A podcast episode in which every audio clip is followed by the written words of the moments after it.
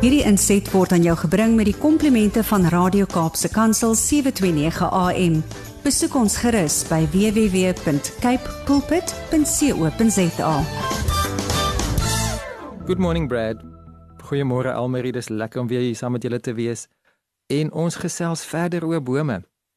Wat 'n lekkerte om net te weet dat daar is 'n klomp verskillende maniere om na iets eenvoudig soos 'n boom te kyk. Jy kan onder die boom lê en opkyk en dan sien jy die wolke deur die takke. Dit is vir my een van die mooiste prentjies. Jy kan van 'n afstand af verre boom sien en in party vlaktes dan is 'n boom amper soos 'n 'n landmerk waar jy sal sê jy ry op die grondpad totdat jy by daai populier boom kom en dan draai jy links en dan ry jy weer aan totdat jy kom uh by daardie ander boom en dan draai jy regs dan so van 'n afstand af kan 'n boom ver gesien word. Jy kan ook binne in die boom klim en dan vanuit die boom 'n perspektief hê. Jy kan ook 'n hommeltuig, dis nou dis nou 'n drone vir almal wat nie heeltemal so goed tweetalig is soos Brad sal sal dalk net moet weet dat eh, 'n uh, drone in Afrikaans is 'n hommeltuig, so jy kan met 'n drone bo oor die boom vlieg en dan van bo af 'n video neem en dan kan jy die boom van bo af bestudeer. 'n Mens kan ook met groot moeite die boom van onder die grond bestudeer. Ehm um, daar is maniere, maar dit is baie moeiliker om daai wortels te bestudeer terwyl die boom nog lewendig is en baie van daardie grawe sal dan eintlik die boom beskadig, maar daar is 'n manier en jy kan ook 'n boom plant langs 'n glasruit en dan kan jy die die wortels dophou soos wat die die boom groei. So amper soos as jy nou 'n uh, uh, dink aan 'n vistank, 'n akwarium, maar jy maak hom vol met grond in plaas van met water. Dan is daar maniere om daai wortels onder die grond dop te hou. So as daar dan 'n klomp verskillende maniere is om na bome te kyk, dan wil ek vir oggend vir ons net so 'n bietjie ons gedagtes lei dat ons ook kan onsself herinner daar is ook 'n klomp verskillende maniere wat ons na Jesus kan kyk.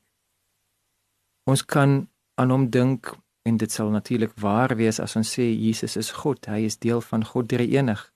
Hy is God die Seun, altyd onlosmaakbaar vir ewig God.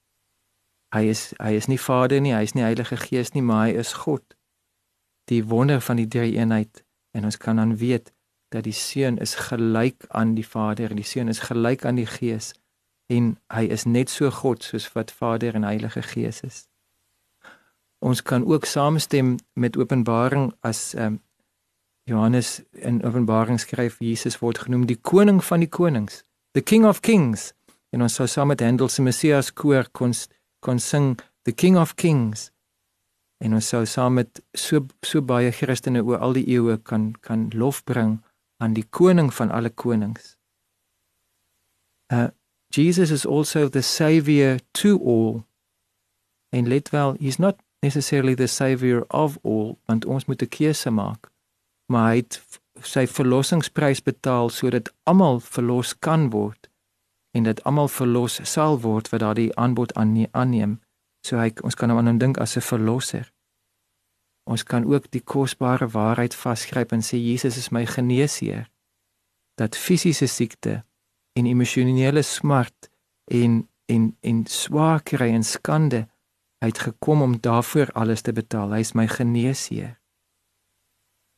Die Nuwe Testament praat ook van Jesus as my oudste broer en dat ek kan weet dat hy in sy menslikheid met my kan relate dat ek kan aan aanklank vind by die feit dat alhoewel hy God is, hy ook mens is en ek kan na hom toe kom soos wat ek na my oudste broer sou kon gaan en met met 'n wonderlike vrymoedigheid net met hom kan vriendskap aanknoop.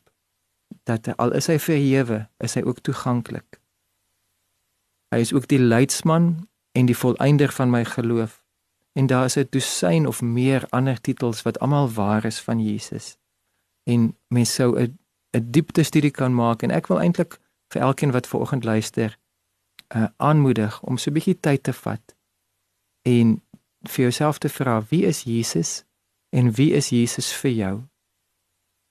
In ver oggend se gesprek wil ek dat julle saam met my so 'n bietjie ontdek een van die fasette wat ek nog min eintlik aangedink het van Jesus wat waar is van hom maar dit was waar gewees in 'n baie spesifieke fase van sy lewe. Jesus het ongeveer 33 jaar op aarde gelewe. Voordat hy gesterf het, voordat hy opgestaan het en opgevaar het hemel toe en vir ewig lewe in sy verheerlikte liggaam. Maar nog steeds was daar 'n tyd gewees wat hy uit vrye keuse die eienskappe, die beperkings van 'n mens aangeneem het. Jesus het groot geword as 'n Joodse seun en op 13 bar mitzwa gedoen en dan het hy in sy pa se ambag begin volg. En uh, uh Josef was 'n skrynwerker of 'n bouer, 'n ambagsman gewees. En omdat Jesus die oudste seun was, het hy in daardie ambag in beweeg. So daar was 'n jong Joodse seun wat geleer het by 'n meer ervare Joodse man hoe dit is om met gereedskap te werk, hoe dit is om hard te werk, hoe dit is om noukeurig te werk en hoe dit is om dinge te bou en te herstel. Ek weet dat Jesus moes leer by sy pa alhoewel hy alwetend was. Het hy gekies om sy alwetendheid neer te lê en het hy as mens geleer stukkie vir stukkie uh, wat Josef hom geleer het. Die vaardighede van met 'n saagwerk, met 'n skaafwerk, met 'n houtbytelwerk, met 'n hamerwerk. En die uh, spykers wat hulle op daardie stadium al reeds gehad het. Ek weet nie, ek dink nie hulle het skroewe gehad nie. Skroewe was is is is eers later uitgevind. Maar hulle het maniere gehad om om meubelstukke aan mekaar te heg in hout. En ek glo Jesus het deeglikheid geleer want skrynwerk is fisiese werk. Jesus het sy boarms het ontwikkel en hy het sterk geword want hy het fisies hard gewerk. Maar Jesus se interpersoonlike vaardighede het ook ontwikkel want hy het by Josef geleer hoe om met kliënte te werk. Sommige kliënte was dierbare Joodse tannies wat sommer vir jou 'n koppie sop ook gegee het saam met die betaling. Ander van sy kliënte was dalk bietjie synige, moeilike Joodse oomies wat gesê het nee, ek gaan nie vir jou betaal nie want hierdie is nog nie klaar afgeskuur nie. En puntenerig en moeilik en synig en selfs som, soms bietjie onredelik was. Gelukkig nie alle Jode is so nie, maar daar is Jode wat moeilik is.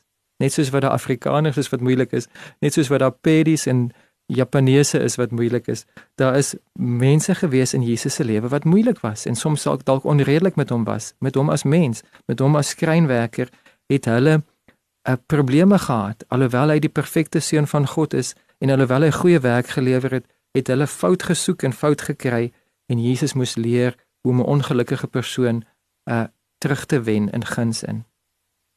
Skrynwerk het ook finansiële werk want party mense het dadelik betaal en ander het afbetaal en jy moes boekhou daarvan.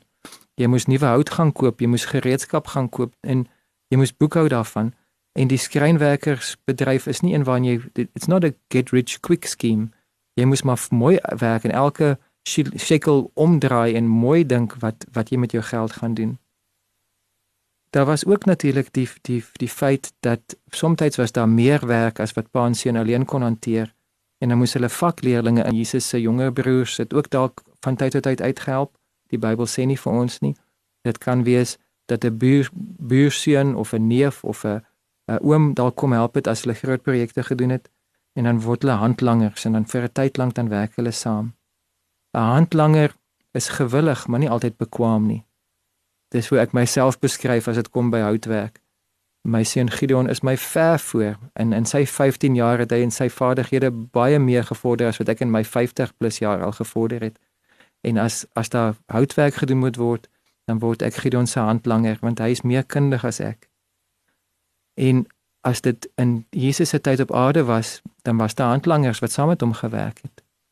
Maar Jesus is lankal nie meer hier op aarde in die sins in sy menslike liggaam nie.